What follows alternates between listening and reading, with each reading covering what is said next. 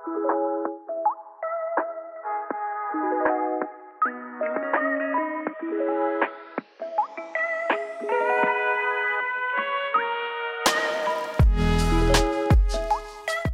er Autobankens podcast taget på tur, og vi er nærmere bestemt i Ballerup, og jeg har haft lyst til at sige, uh, gået tænkt over hele ugen her, at jeg skulle sige, at du er simpelthen flået ind for vores skyld, Ja. Andrew.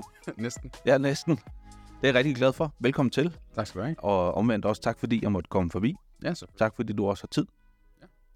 Andrew, jeg skal lige være helt sikker på dit efternavn, så jeg ikke... Kabrit vil jeg udtale det. Det er også rigtigt. Sådan, okay. Så jeg er ikke helt skæv der. Nej, det siger altså, det er lige ud af landvejen, og så folk de kommer altid med kreativ måde at udtale det på. Ja. Men øh, det er bare kabrit. Fedt. Hvor, og Andrew er jo, altså det lyder jo engelsk, men, men kan du, øh, hvis vi lige starter her, vi, vi skal nok komme ind på, øh, hvilke firma du er, og, og vi to øh, skal snakke om i dag. Men øh, hvor er du fra? Du snakker jo virkelig, altså bare dansk, hvis man ikke kender dig. Ja, jamen, jeg er også øh, født og opvokset her i Danmark jo. Øhm, og så jeg er halv dansker og halv libaneser. Okay. Øhm, min far han er fra Libanon, og min mor hun er fra Danmark, men født og opvokset her hele mit liv. Øhm, og så, ja, så kom navnet bare derefter. Min far han navngav mig efter hans bedste ven, og så fik jeg min fars efternavn. Så, øhm, så ja, det er den måde, det blev ikke Anders, det blev Andrew. Nå, ja, ja, nå, men det, jeg tænkte, der er rige Anders, hvis vi skal tage, tage den, tage den der vej rundt. Øhm, du øh, lever jo i dag, kan man sige, har lavet noget software til, til autobranchen. Øh, men hvordan er det startet op, og hvor er din interesse henne øh, for, for at lave? For vi kommer til at snakke AI, det behøver ja. Vi ikke at lægge skjul på lige om lidt, og det glæder mig vildt til for at høre, hvad, hvad pokker der sker, og hvad det, det kan. For nogen har jo det her lidt farlige monster, der render Ja. rundt, der hedder AI, og det kan vi jo forhåbentlig afmystificere. Ja. Men hvad er historien indtil her i dag i relativt kort træk? Jo, altså øhm, jeg startede SIS kort tid efter, eller faktisk mens jeg stadig var i gang med at studere. Øhm, så jeg studerede ude på CBS, og øhm, havde også nogle kurser ude på DTU, og havde nogle venner ude på DTU og så videre. Så vi sad og, og kiggede på nogle forskellige ting. Øhm, en af de projekter, vi har siddet og arbejdet på, det var en billedgenkendelses øhm, hvad hedder det, algoritme, der kunne genkende biler, øh, ved at man tager et billede af bilen, og så kunne vi genkende, hvad er det for en bil, du, du står og ser på.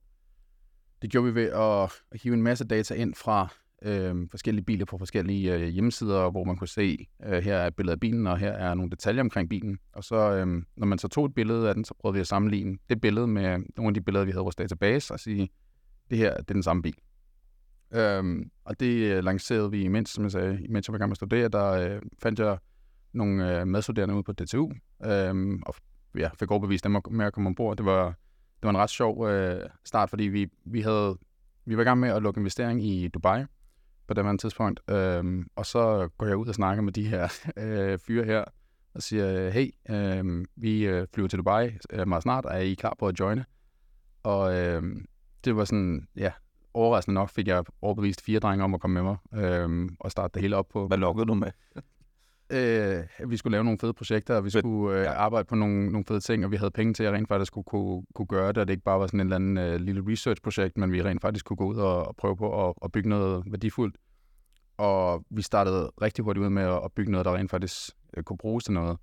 Så ja, det var det, der fik mig startet. Vi havde en af vores, øh, vores første medarbejdere, han øh, kom ind, og ja, øh, vi havde, vi havde lige mistet en, som han var sprunget fra i sidste øjeblik. Så fandt vi så ham den anden, og så havde vi ham i et jobinterview, og sagde sådan, okay, du er, du er ombord. I retrospekt, så skulle vi have været lidt mere øh, dybdegående, men øh, det gik stadig fint nok. Han var stadig perfekt til, til teamet, men øh, det, det klikkede rigtig godt til allerførste møde, og så var vi sådan, super, vi har brug for en som dig. Øh, vi tager til Dubai her om to uger, skal du med?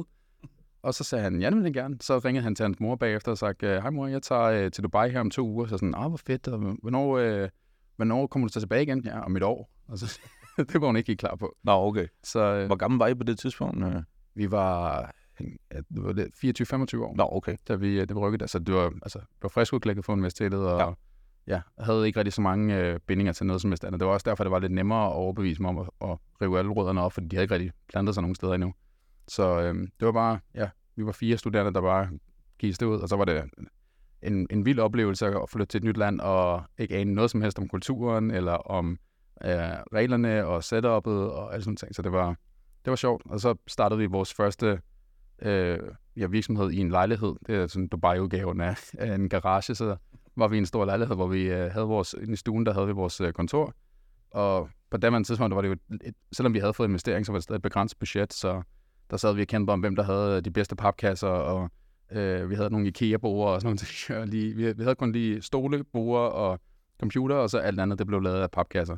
Fedt. Så- Også, altså sengene og... Eller hvad? Og lige frem Sengene havde vi ikke nogen af til at starte med. Det, det var, øh, vi rykkede ned, vi havde ikke tænkt over, at vi skulle have en seng. Øhm, Nej, nej. Hvorfor også bruge det? Ja, ja. Så vi gik ned i IKEA og bestilte dem, og sådan, jamen, det var fint nok. Så øh, sagde de, det kommer om to uger. Sådan, ups.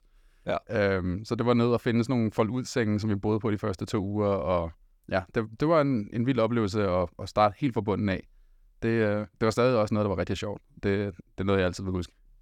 Ja, det tænker jeg, at man, når man øh, ligefrem øh, ikke ligger på gulvet, men måske øh, tæt på i hvert fald. Øh, Ja, og altså vi har jo, der var alle mulige mærkelige ting, sådan noget med aircondition og sådan noget. Vi har aldrig nogensinde havde regnet med, at vi skulle, altså det var jo ikke vant til i Danmark, at man, åh, ej, det har man ikke rigtig brug for på samme måde, tænker jeg. Nej, præcis, men når du er dernede i 40 graders varme, og du ikke har bestilt din aircondition, så er du rigtig hurtigt til at finde ud af, hvordan laver man aircondition. ja, ja, og isdagningen holder ikke engang særlig lang tid, tænker jeg. Så Nej, de jo også øh, smeltet. Ja. Hvordan, kan du huske tilbage til, hvordan var det, øh, kan man sige, hele det der, altså du, øh, jeg, jeg var med på, på det tidspunkt, når man er i den alder, så er der bare ting, der er nemmere, altså, Ja. eller nemmere, det lyder måske forkert. Der er i hvert fald ting, der er mulige på en anden måde, end de er, når man først har fået sig sat. Ja. Hvad- kan- Hvordan var følelsen altså for dig, at ligesom tænke, var, der var ikke nogen anden vej, eller var det... Altså det var, jeg, jeg vidste allerede på forhånd, at jeg gad ikke øh, arbejde i sådan en stor corporate virksomhed. Altså jeg, jeg har mange holdninger, og jeg har mange ting, jeg gerne vil, vil altså, lave anderledes. Øhm, og i, i typiske sådan, store virksomheder, der kan det godt clash lidt i hverdagen. Øhm, så, så derfor så vidste jeg allerede på forhånd, at jeg ville lave noget selv, og jeg ville ud. Enten ville jeg arbejde i et startup, eller også så ville jeg selv lave et startup. Og så fik jeg så muligheden for at starte det selv. Så jeg tænkte ikke særlig meget over det. Det var bare sådan en naturlig øh, gang fra, når nu gik jeg fra mit studiejob, og så gik jeg i gang med at lave det her. Og altså, det, jeg tog det meget... I retrospekt, så skulle jeg nok have, have overvejet det lidt nærmere, men jeg, jeg gik bare ud og gjorde det. Og øh, på en eller anden mærkelig måde, så tror jeg også, at de andre havde tænkt sådan, jamen hvis han gør det, og han er ligeglad med dem, så må det jo være fint nok. Og så kom det ind, og altså, det, det hele lykkedes. Så ja, det, jeg sprang bare ud i det. Der var ikke rigtig så meget nærmere overvejelse omkring det. Men er det, ikke, er det ikke også sådan, man er på det tidspunkt? Overvejelse er ikke noget, man har lært endnu, eller hvordan? Jo, præcis. Ja. Man, man tænker ikke så meget over Nej. tingene, og det er bare... Jeg tror også, at det er en vigtig ting i, når man skal, hvis man skal ændre nogle ting i en industri eller noget andet stil, så skal man have sådan lidt en naiv tilgang til tingene. Fordi at, øh, og, og det er de der sådan helt unge entreprenører, der sådan der kommer med de dummeste og bedste idéer. Øh, og det er jo lidt der med, at man skal tage begge dele. Man skal gå ud og starte ud med noget, der måske virker lidt dumt, men hvis du har en gruppe øh, folk, som har hovedet nogen skruet på og går i gang med at lave en masse dumme ting, så på en eller anden tidspunkt, så finder de på noget smart. Øhm, og, og det var lidt det, der sådan, var tilfældet for os. Altså, den, den første teknologi, vi lavede, den var super cool. Altså Mm. På AR-delen, der var det altså, banebrydende, og nogle af de største virksomheder prøvede på at lave det sammen. Øhm, og, og vores var virkelig god, øh, og, og nok en af de bedste, der, der har været. Men i dag, der er det jo noget, som, øh, altså, OpenAI kan jo gøre det, øh, som om det var ingenting, men der i øh, 2015-2016, der var det noget kæmpestort. Ja. Øhm, og når, når man bruger altså, tiden på det der, så kan man meget hurtigt gå ned og overveje, sådan, giver det mening business-wise, og øh, alle sådan nogle ting der. Det, det tænkte vi ikke så meget over. Det var bare sådan, vi skal ud og bygge det her, og ja, der er nok nogen, der har brug for det her. Det kan bruges på de her steder her, men vi gik ikke så meget i dybden, og så gik vi bare i gang med at prøve på at bygge det. Og det gjorde lidt, at vi ikke havde de der sådan, det kan ikke lade sig gøre attityder, øhm, som der er rigtig, rigtig mange, når man så bliver lidt ældre, så har man det der, det kan ikke lade sig gøre, fordi mm.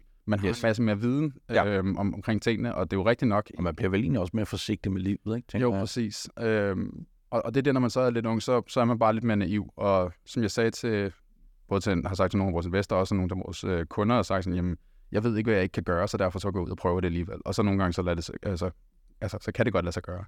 Og, og det er en af de stærkeste evner, man har, når man er, sådan, når man er en entreprenør. Og, og det er også en af de ting, jeg prøver på at øh, bibeholde øh, i vores kultur. Det er sådan, jamen, vi skal ud og gøre ting, som for de fleste andre vil virke, jamen, det der, det kan ikke lade sig gøre.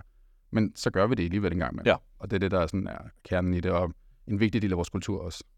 Hvad er det, der har, hvad tror du, der er sådan, du har taget med hjemmefra, der har bragt dig til at have, have den mod, have den øh, eventyrlyst, som det jo også skal have?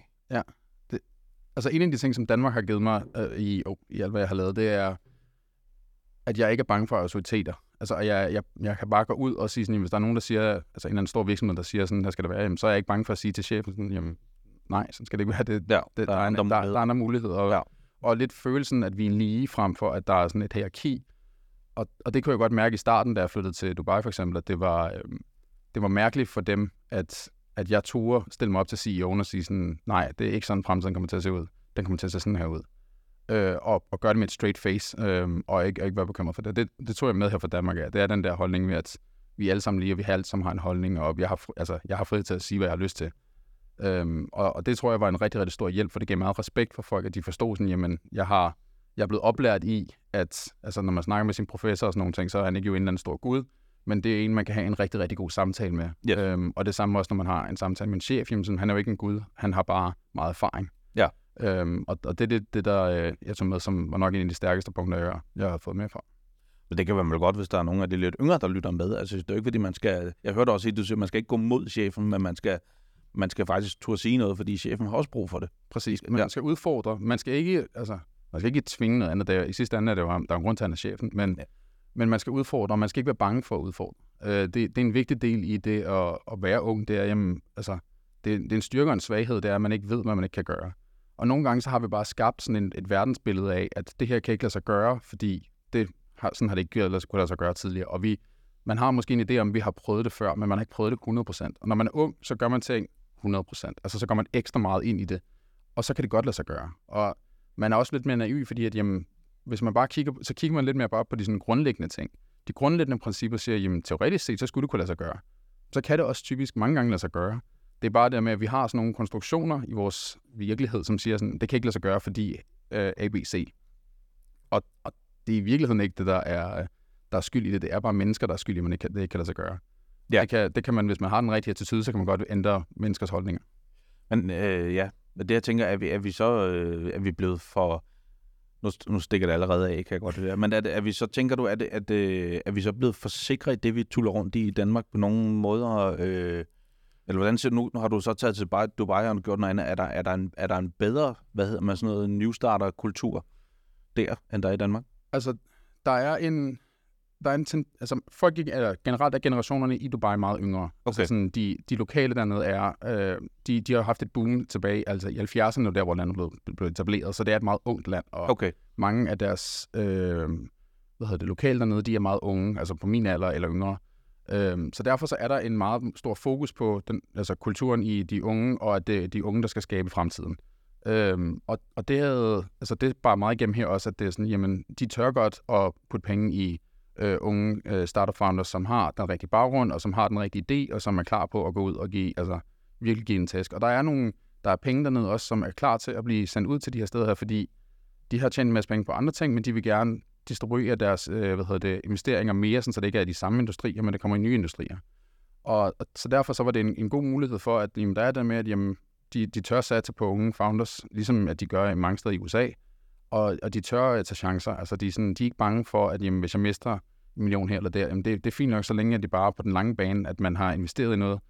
Og, og de forstår også godt, jamen, typisk så hvis man skal starte noget nyt, så fejler man meget i starten. Ja. Og så gør man det rigtig bagefter. Så der er lidt mere leanway til det. Øhm, der er selvfølgelig også en masse udfordringer i det, fordi at de ikke har den samme infrastruktur og alle sådan nogle ting, og det kan være svært at finde ressourcer, fordi der er ikke altid lige så mange, øh, altså i Danmark, der har du et hav af virkelig, virkelig dygtige medarbejdere, du kan, du kan trække på. Det har du ikke altid der, øh, fordi det er netop en helt ny generation, Ja, ja. med at komme op, og der er ikke lige så mange af dem, og så videre, så videre, så det er meget, du finder en masse unge, men du finder ikke lige så mange erfarne, Øhm, så, så der er andre udfordringer der også. Men når det kommer til selve startup-delen, der har de været specielt der tilbage i, i 16, hvor de er meget, meget, meget fremme, og det er de også stadig. Øh, verden har ændret sig lidt siden da, men altså de, øh, de, de investerer stadig meget. Herhjemme, der er det, der er stadig fokus på det, men jeg, jeg vil sige, at Danmark kan, kan gøre en del mere for at være mere attraktiv, fordi jeg tror, at der har de rigtige grundsten. Der er som jeg sagde, virkelig dygtige folk i Danmark. Øhm, nok nogle af de bedste i verden, vil jeg sige. Men der er ikke sådan lovgivningsmæssigt, der er ikke lagt fokus nok på startups til, at startups kan have en succes. Og bare det, man kan se, altså sådan, de, de danske politikere nærmest ikke putter fokus på startups, som mm. være fremtiden. De fokuserer mere på det gamle, jamen så, så ser man også lidt, jamen, det, der er ikke, der er, det er ikke en prioritet, at uh, Danmark skal være et startup-land. Øhm, Det er faktisk sindssygt besværligt at være selvstændig. Det er ekstremt besværligt, og Ja. jeg forstår heller ikke, altså bare sådan en, en, en grundlæggende til det, uden at skulle gå for meget ind i, i lovgivning og sådan noget, så jeg forstår ikke, at store virksomheder kan betale mindre i skat end en startup. Eller Nej, nej, startup. præcis. Det, Kunne man have et halvt eller et 12 måneder, eller et eller andet antal måneder, hvor man var skattefri, eller et eller andet i den stil, ikke? Øh, hvor man ja. Ligesom kunne komme i gang. Ikke? præcis, altså et eller andet at give initiativ til, eller altså incitament for at sige, sådan, jeg, jeg siger mit, uh, mit stabile job op og gå ud og prøve på at gøre det her, og sådan, altså rent faktisk give en grund til at gøre det. Vi giver, vi giver folk SU for at studere, og det er jo altså et incitament for, at vi vil gerne have, at folk bliver veluddannede. Men Yes. vi giver ikke noget incitament for, at folk går ud og starter en virksomhed. Altså, Det, øh, det er der ikke på samme måde, når man kan gøre. Så det, det er sådan lidt, man kunne gøre meget mere, og jeg tror, at hvis man, hvis man tog og investere lidt i det, så kunne man gøre rigtig, rigtig meget, fordi ja, altså, jeg ser jeg på startup her i Danmark, det er jo altså alle startups, jeg møder, som er i Danmark, det er voldsomt fede startups, og de er langt, altså virkelig, virkelig høj kvalitet. Problemet er, at de ikke rigtig når over startlinjen. Altså, der er rigtig mange af dem, der dør, før de når at kunne blive enten profitable eller kunne få øh, investering. Ja. Fordi der simpelthen ikke er det samme økosystem, som der er i andre lande. Altså, Nej. så er mange af dem, dem, der rigtig faktisk bliver succesfulde, de tager til England eller øh, andre steder i Europa for at prøve på at, at blive større der, fordi der har, der, der har de bedre muligheder, et bedre, et bedre system. Det var en øh, spændende snak, som vi jo egentlig bare kunne fortsætte på, ja. på den linje. Men, men jeg synes jo, det er interessant, og jeg kan jo næsten, næsten gætte mig til, at du og jeg er jo enige. Jeg synes jo, noget af det her, vi snakker om nu, burde jo også komme på øh, skoleskemaet, ikke? For, jo, jo. for, selvfølgelig for de helt små klasser, for de skal lige, der er nogle andre ting, de skal lige lære først og noget andet.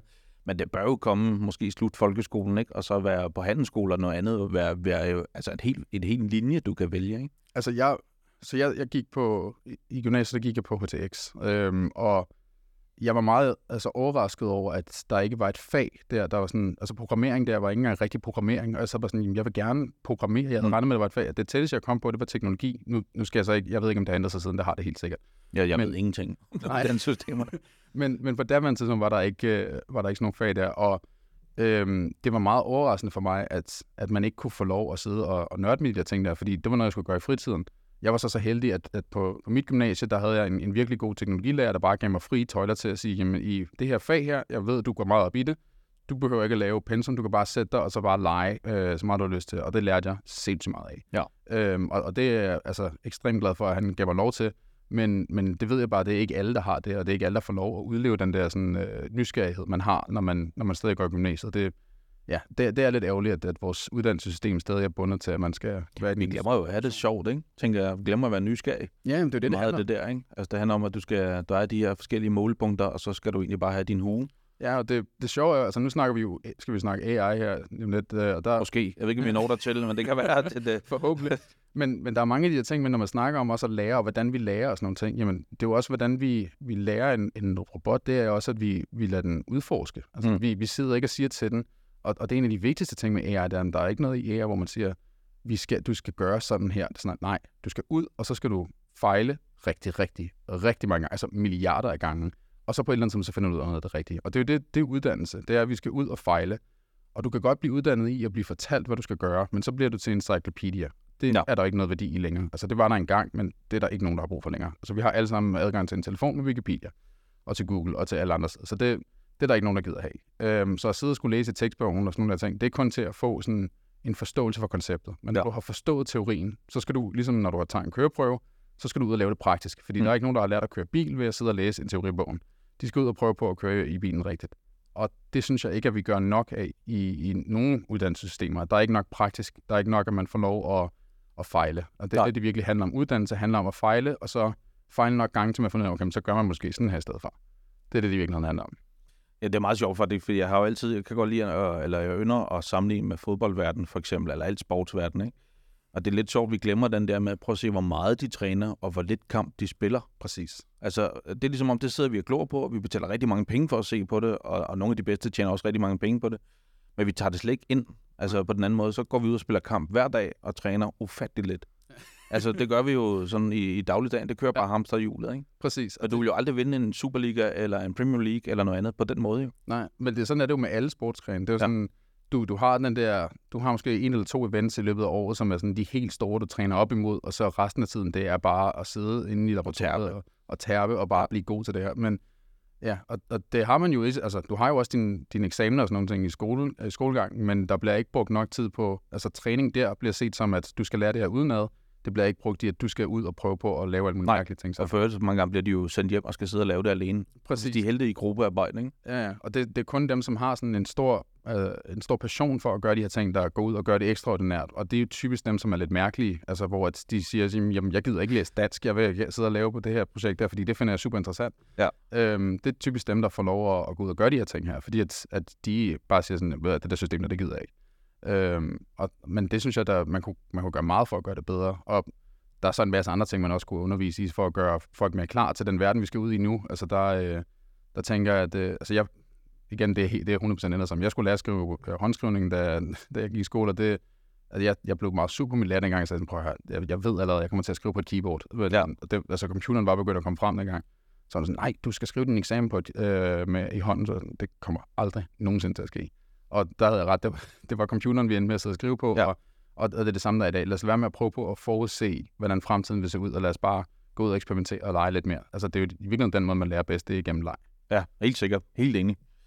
Øh, men så hvis vi skal prøve at lave sådan en segway fra leg over til, øh, til det, du laver nu. Hvorfor autobranchen? Så autobranchen kom sådan lidt af, af den første idé, vi startede der med AI. Altså, vi skulle lave billedgenkendelse af biler. Øhm, så ideen var, at man, man tog en billede af en bil, man så på gaden. Vi genkendte bilen, og så kunne vi fortælle, hvad er det for en bil, og hvor meget er den værd. Øhm, og det kom bare efter, at vi havde en masse data, og så sammen det ind. Og, og hvad var drømmen med det, inden vi... Altså, hvad, hvad, hvad, hvad tænkte I, det her skal løse? Jamen, det var sådan lidt en, en problemstilling af, at når man rigtig mange, når de går og skal købe en bil, så ved de, altså, de ved, der er nogen, der er eksperter, som ved, det er sådan, her det er. Og der, du har typisk en onkel, som du kan gå hen til og sige, sådan, hvad for en bil skal jeg købe. Men generelt så er verden dit showroom. Altså, sådan, det, det, altså hele verden er et showroom. Og når man går ud og finder den næste bil, så er det typisk en, man ser på gaden og siger, den, den er faktisk meget fed, den kunne jeg egentlig godt tænke mig. Så er der nogle gange, altså så har man lidt en drengedrøm og sådan nogle ting, men man, man kan godt også se nogen, der er sådan, okay, den er faktisk meget fed, eller en ven, der har den, og så videre, og så videre men det er meget få, der sådan ved, hvad det er for en bil, du står og kigger på. Mm. Du kan måske godt se, okay, det er en Golf, men hvad for en Golf er det? Der er masser af forskellige Golf derude. Øhm, og det var lidt det, det problem, vi prøvede på at løse. Det er sådan, hvad er det for en bil, du står og kigger på, sådan, så vi kan hjælpe dig med at finde den i fremtiden.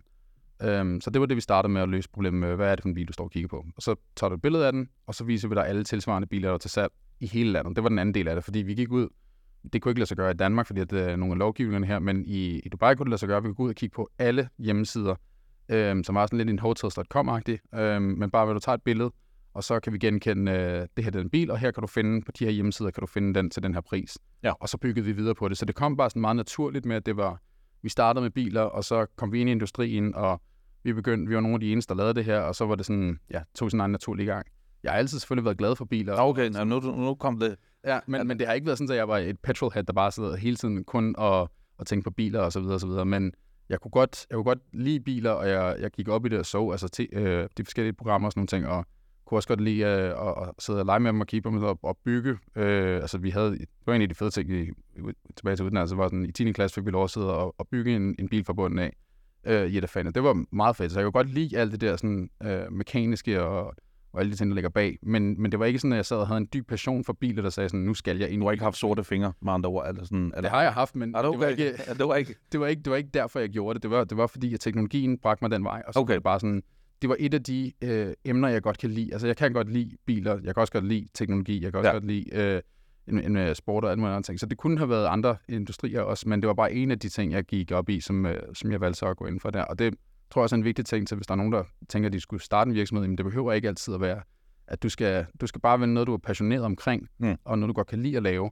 Men det behøver ikke at være industrien, der altid er perfekt dertil. Du kan bare tage de ting, du godt kan lide at lave, og så se, om det kan passe ind i en industri, som, øh, som du også er lidt interesseret i. Ja, og det er du så lidt med biler alligevel. Du har lige, lige skulle høre, at det, at det må du gerne, du må gerne være med alligevel. det, det, det, bare, jeg gider slet ikke biler. Nej, Nej øh, det gør du. Ja, ja, det gør jeg. Og jeg elsker biler nu. Nå, nå, nå, det var godt. Jeg tænker, man, øh, at jeg tænker, det går noget, jeg bare bliver farvet med. Jeg tænker, de, de, de har lidt fede biler i Dubai. De har rigtig, rigtig fede biler. Altså det, det er, en af de ting, jeg altid anbefaler folk, når de tager til Dubai, det er sådan, jamen, lej en bil. Altså, ja. gå ned og lej, altså, og Hvad koster det? Altså... Det kommer meget ind på, hvad det er for en, du skal have. Altså, jeg lejede... Jeg skal bare have den største. Ja. Det skal ikke være en elbil. Nej, nej, men det, det, det er jo meget... Du kan få den aller, aller, aller største, så bliver det rigtig dyrt. Nå, okay. Men du kan få noget, hvor det også er sådan en drengedrøm. Så jeg, jeg havde en ven på besøg her øhm, i forrige uge, og der lejede vi en Audi RS øh, 7'er. Ja. Og den kostede knap 1.900 kroner om dagen. Ja. Og videoen går ned. Går den ned? Nå. Så tager vi lige en, øh, en pause. To sekunder, Anu. Ja. Så er vi tilbage igen. Super. Jeg har fået kølet kameraet ned, som øh, at vores snak jo simpelthen bare blev så varm. Ja, ja, det var det. Det var, ja. det var alle de biler. Ja, det var alle de biler, vi snakker Men 1900, ja, det tror jeg ikke, man kan lave en R47 i Danmark. Nej, og, og så er der sådan altså i Dubai er der jo det der med, at politiet, de stopper der ikke. Øh, der er kameraer over det hele, men politiet stopper der ikke. Men hvis du kan finde en område, hvor der ikke er, nu skal jeg ikke lægge for mange idéer, men hvis du kan finde en område, hvor der ikke er nogen kameraer, og det kender de lokale, øh, kender de godt til, hvor der er nogle af de der gode områder. Det vil jeg ikke sige på podcast. Nej, nej, nej, det er fint nok. Men, men, men øh, øh, så er der autobahn, kan jeg forstå. Så er der autobahn, og det, øh, ja, det, det er sjovt. Ja. Så, øhm, så, så det er sådan lidt det, jeg altid gør. Det er, at jeg, jeg, når jeg har venner på besøg, så går vi ud, leger en bil, og der, altså, der er jo alting fra en, en R7 og hele vejen op til de allerdyreste. Altså, en Bugatti kan du også lege. Den er rigtig, rigtig dyr. Øh, det vil jeg aldrig gøre. Men, øhm, men Ja, det kommer an på, hvor dyr den er, for det går jeg godt for. Det er jo det sådan one time, uh, one in a lifetime.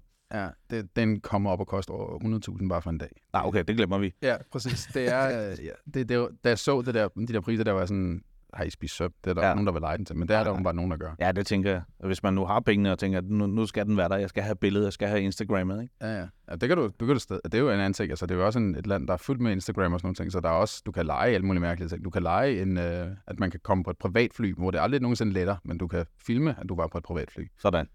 Det kan du godt lege. Det kan jeg godt lide. Det er jo fake AI, eller hvad sådan noget. Jeg ved ikke, hvad det fik været. Ja. Nå, nu, øh, nu til den store kamel i rummet, var ved at sige øh, AI. Ja. Øh, jeg synes jo mest, man faktisk hører, altså der bliver snakket virkelig meget chat-GPT, og lige nu, der er, nu har vi lige været inde på uddannelsessystemerne, og de er jo også en lille smule i panik, Ja, ja. ud fra den øh, forstand af, at nu skal de finde måder at tjekke på og kontrollere, at man ikke bruger øh, chat-GPT. Men hvis du bare lige kan, i din verden, du har dykket det øh, ja, siden 15-16 stykker, men hvad, hvad er det for en størrelse, det her, vi er på ind i? Altså, Eller allerede er landet i? så, så lige til at starte med, bare hurtigt vende det der med, med uddannelse, med at de skal til at finde ud af, hvordan man, man tjekker, at de ikke bruger AI. Det er den forkerte tilgang. Det er, Okay. det, de skal tjekke, at de skal lære folk, hvordan man bruger AI. Det er Okay. tilsvarende til, at man fortæller øh, tømrer, at du skal lade være med at bruge en hammer. Øhm, fordi AI er et værktøj. Og det, det er en af de vigtigste ting at forstå. Det, det er et værktøj, og mennesker, vi skaber værktøjer. Alt, hvad vi har lavet, altså sådan fra bunden af, det er værktøjer. Og Jeg har set bilerne, vi snakker om før, startede som værktøjer. Ikke? Præcis. Alting er værktøj. AI er et værktøj, og det, at skolerne siger, I skal lade være med at bruge de her værktøjer, det er noget af det dummeste. Altså, det viser bare lidt, hvor uintelligente de er dem, der sidder og arbejder i, i, i den industri, hvis de ikke kan se, at det er et nyt værktøj, og de skal undervises i det. De skal Ja. undervises i, hvordan man bruger AI. De skal undervises i, hvordan man kan lave endnu federe noveller, endnu federe film, endnu federe billeder og alle sådan ting ved at bruge AI. Og det er det, der er det vigtige i det, fordi vi skal uddanne folk i at blive, altså, fremtid, altså blive fremtidens medarbejdere, og fremtidens medarbejdere, det er dem, som bruger AI på den rigtige måde. Så det, det er en af de vigtigste ting med, med, med AI. Men går tilbage til at forstå, hvad er AI? Jo, men inden du det kommer der, så kommer vi tilbage igen til det der her. Men hvor, hvorfor, jeg ved godt, vi mennesker, vi har egentlig også været lidt inde på det her med, at er det simpelthen bare vores øh, uvidenhed, øh, måske endda over til frygt, at man gør sådan her, eller hvad? Det er fordi, det ændrer verden. Okay. Altså, det ændrer den, den måde i dag, hvor vi går i skole på. Så er det for at teste dig. Altså, jeg tester dig i, hvad kan du gøre uden nogle værktøjer? Men det er jo ikke det, vi skal uddannes til. Nej. Vi skal uddannes til, altså når du uddanner til tømmer, så uddanner du i, hvordan du bruger de forskellige værktøjer. Når du uddanner dig i, inden for IT, så uddanner du dig hvordan du bruger en computer. Mm. Men når du går i skole, og du så får at vide, at du skal ikke bruge en AI, fordi vi vil gerne teste dig. Det er den forkerte tilgang, fordi vi prøver på at teste din intelligens på en metode, som er tilbage fra altså oldtiden efterhånden, øhm, i stedet for at kigge på, hvordan fungerer du sammen med en AI. Det er jo i virkeligheden det, som er, er fremtiden med det her. Hvordan fungerer du, når du bruger en AI? Fordi når du kommer ud og arbejder, øh, og det er jo det, som uddannelse skulle være for, det er for at komme ud og arbejde. Ja, medmindre man, øh, jeg ved ikke, hvad man ellers skulle lave. Men når du kommer ud og arbejder, øh, så kommer du til at bruge en AI. Ja. Så Ja. du skal jo i virkeligheden prøve at skabe nogle rammer, som viser, hvordan kommer fremtiden til at se ud, og hvordan har du tænkt dig at agere i den her fremtid. Det er, hvad uddannelse er. Og der, der er AI, det, det er allerede kommet i gang, og det er allerede, AI er der, hvor det kommer allermest frem, det er inden for, for den professionelle branche, mere end den personlige branche. Øhm, så, så derfor så er det 100% noget, som der skal være i fokus, at folk skal lære at bruge AI frem for at frygte det. Så det- ja, det er jo faktisk omfavnet. Ja, præcis. Ja. Altså, man skal embrace det og nærmest sige sådan, jamen, hjælp, eller, jeres opgave er den her uge at skrive den bedste stil, hvor du ikke skriver stilen, men det er AI'en, der skriver stilen. Ja. Hvordan får du AI'en til at lave den allerbedste stil? Ja. Det er en udfordring, jeg godt kunne tænke mig at se, hvordan der er nogen, der kunne finde på at lave, fordi jeg tror, det, handler, det er det, man kalder prompt engineering, det kan vi komme lidt mere på senere, men det er faktisk en af de fremtidige jobs, som der ikke er nogen, der snakker om endnu, men, Ja.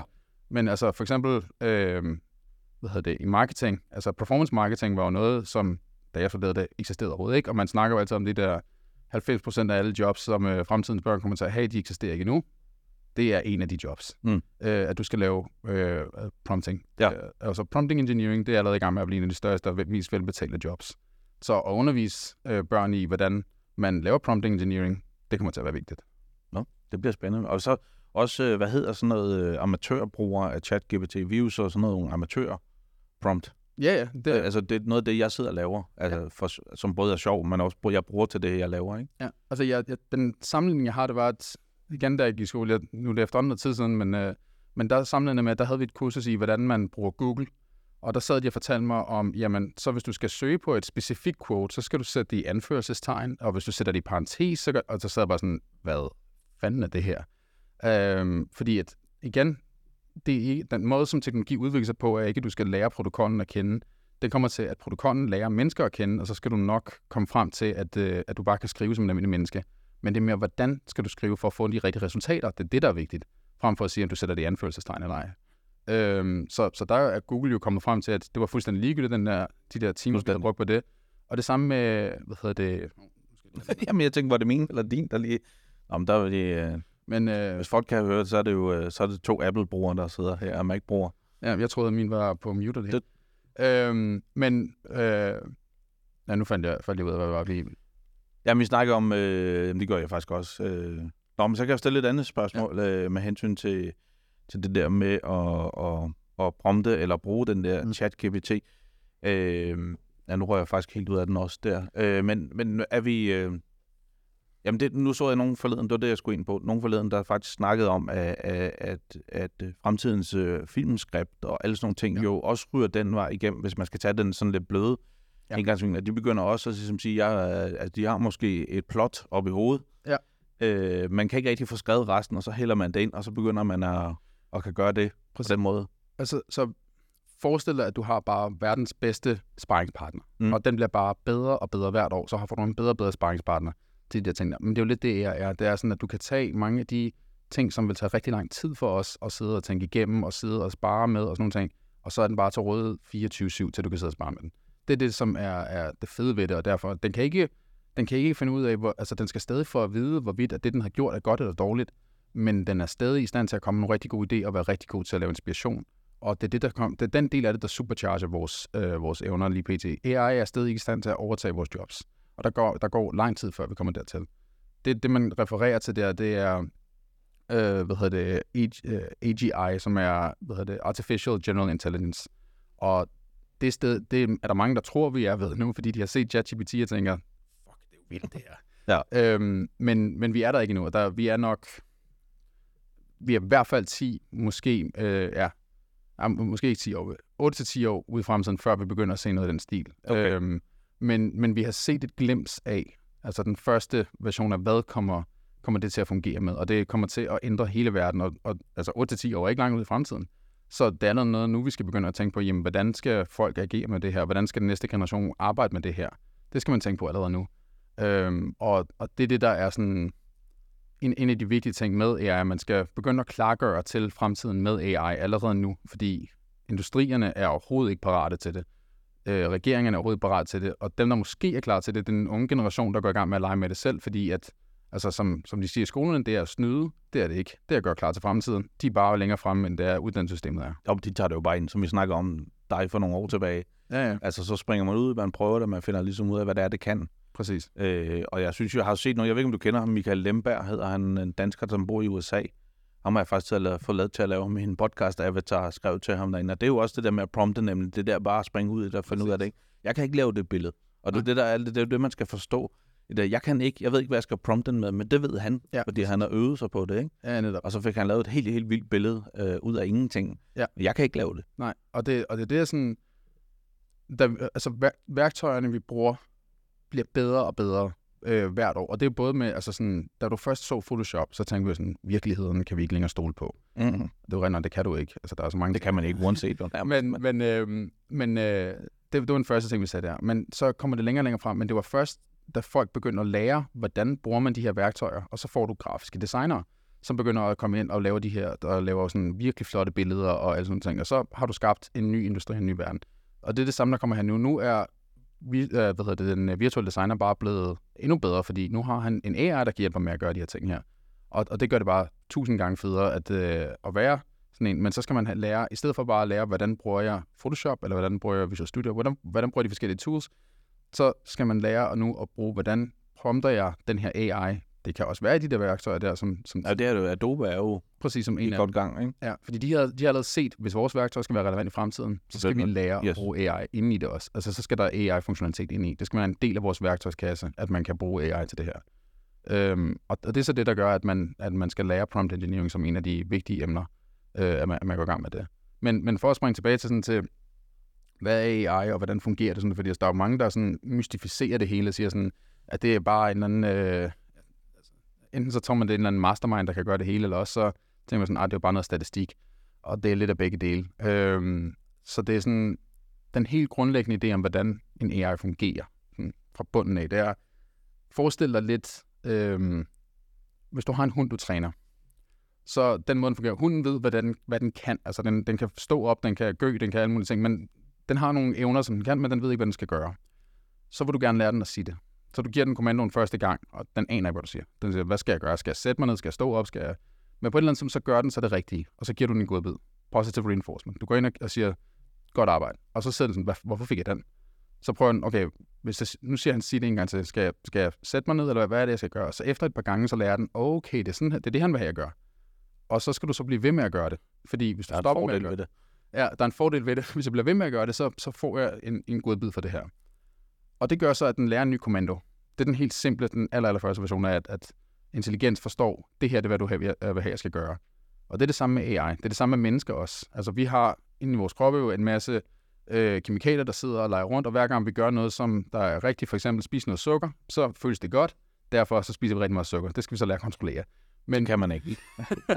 men, men det er bare er de her reward-systemer, som er bygget ind både biologisk, øh, men også noget, vi kan træne. Altså sige sådan, i, i sådan kulturelle ting, at sige, jamen det gjorde du godt, nu får du mere løn.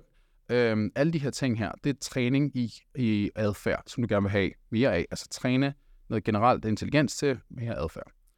Når du har AI, så har du den, helt, den aller, aller første version af det, er sådan machine learning, hvor du lærer en robot noget information, og den, den prøver på at forstå, hvad, hvordan er det, du gerne vil have, tingene skal være. Men når du så går ind i AI, så skal den begynde selv at finde ud af, hvad er det, den, du gerne vil have som svar. Altså gætte sig til, hvad er dit svar. Og det er der, hvor den kommer ind i, øh, hvad hedder det, altså den skal fejle en masse gange. Mm. Og det bedste eksempel, jeg lavet der på, det er, at jeg har bygget, det var spil af de steder, hvor AI virkelig gik i gang til at starte med. Der var jo, det startede med skak, og så her for nogle år tilbage, så kom øh, den der AlphaGo, og som slog verdens bedste Go-spil, og man tænkte, det kan aldrig lade sig gøre. Så for alle gamers, der har siddet og spillet øh, Dota eller League of Legends, så gik OpenAI ud tilbage i, jeg tror det var i 16 eller 17, de lavede en, øh, en AI-bot, der kunne slå verdensmesterne, øh, og hvor man bare stod sådan, altså alle andre stod sådan, okay, men dem, der var gamere, de stod sådan, holy shit, det Ja. her, det er stort. Og så kom ChatGPT øh, 3.5 og var sådan fuldstændig revolutionerende, øh, fordi der begyndte hele verden at se, hvad var det her for noget. Men det var i virkeligheden som om, at du havde, altså vi havde efterladt, vi havde lavet version 1 af iPhone, og så fik hele verden lov at se version 10, og så var vi alle sammen fuldstændig blown away over, hvor, hvad den kunne gøre og sådan noget. Og nu kommer der så en masse nye versioner her i fremtiden, men, men det er der, hvor vi er kommet til. Men helt fundamentalt er det bare, altså startede det ud med at være sådan et, det man kalder et decision tree. Altså sådan, hvis det her sker, så skal du gøre sådan. Det var sådan det hele, det God startede. gammel basics, eller hvad Ja, ja, lidt, engang. lidt, lidt i den stil. Det var sådan, det hele startede ud med. Sådan, det var sådan chatbot-svar og sådan nogle ting. Men decision trees er bare, de er meget langsomme, de skal meget dybt ned, for at man kan gå ind i det. Det var sådan, for eksempel skak, øh, det første skakcomputer, de blev bygget, det var sådan et decision tree. Hvor er det, jeg skal hen, og hvordan er mulighederne de forskellige steder i, øh, i, i decision treet. Så gik man ind og lavede det, der hedder neurale netværk, hvor det er lidt den måde, at din hjerne fungerer på. At den går ud og prøver på en masse forskellige kombinationer og ser, hvad der virker, og dem, der virker, de bliver så bundet mere fast og siger, sådan, det er dem, vi, vi, vi kører ned af. Og når man kigger på neurale netværk, det kan man gøre på de fleste computere nu, de er blevet stærk nok, øh, stærk nok til at kunne gøre det, så hvis man har en interesse i at gå i gang med det, så ind på YouTube, find nogle videoer i, hvordan man går i gang med at lave neurale netværk. Gå ind og kig på, hvis der er et spil, du godt kan lide, og du gerne vil øh, blive den bedste til det spil, så kan du gå ind og bygge det dertil. Fordi det gode ved spil er, at du har bygget et univers, hvor reglerne er defineret. Mm. Og de er rigtig, rigtig klart defineret. Hvis du spiller Mario Kart, jamen, det er rigtig simpelt. Du kan gå frem, du kan til højre og venstre, du kan bremse, og du kan slide. Og det er det. Og så kan du så finde ud af, okay, hvis jeg skal den her, til, den her robot til at være den aller, aller bedste robot til Mario Kart, hvad er så de rewards, jeg giver den? Og de er super vigtige. Altså det er det, der sådan er hele fundamentet for AI, det er at forstå, hvilke rewards giver vi, og hvor mange point giver vi for de her rewards.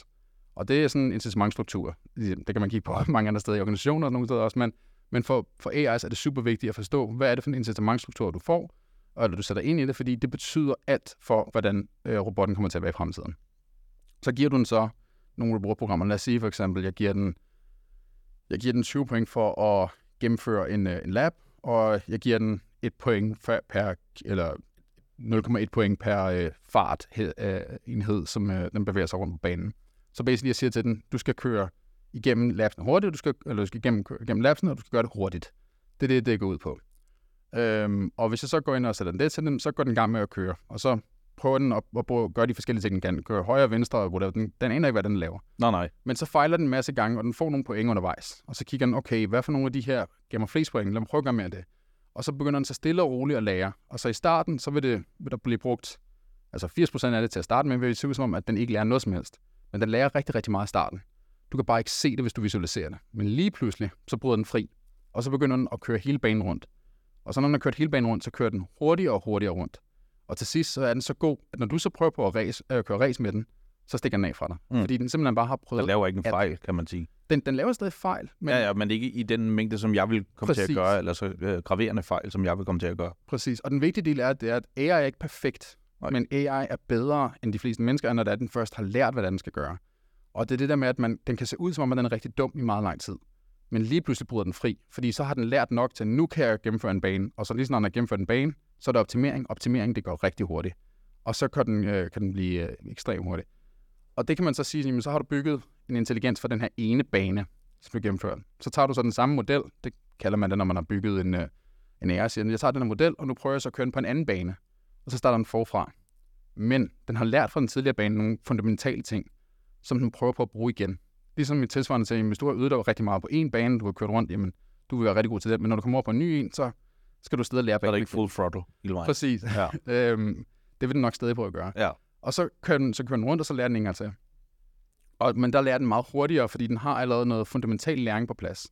Når den har været udsat for nogle af de her ting her, så begynder den at blive generelt klogere. Og nu, nu springer jeg sådan meget fra, fra baby step helt op til sådan lightning step, men den begynder at blive generelt klogere, og så begynder den at få en generel forståelse for det univers, den eksisterer i. Og når vi så snakker om general intelligence, så er det, at vi har bygget en intelligens, som er generelt uh, intelligent i vores univers, altså i vores verden, som vi lever i, med vores fysiske regler, vores sociale normer osv. osv., at den er blevet klog nok, og den har nok computerpower til at kunne øh, hvad hedder det, frem, øh, fremskaffe nogle rigtig intelligente løsninger derpå. Men det er stadig ud fra, hvad det er for en verden, vi har introduceret for den. Det er bare i computerspil, er det meget nemmere. Og, og... Men det er et godt billede. Ja, jamen det, ja. Men, det, men det er meget nemmere at vise det der, yes. fordi der har, det er også der har lavet reglerne, og det er også der kan manipulere reglerne. Men en vigtig ting i det er også at sige, jamen, hvad er det for nogle ting, vi giver point for?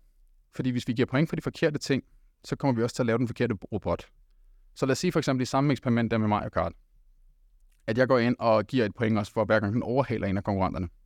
Jeg giver et point. Det lyder ikke som så meget. Men hver gang den overhaler en af konkurrenterne, så får den et point.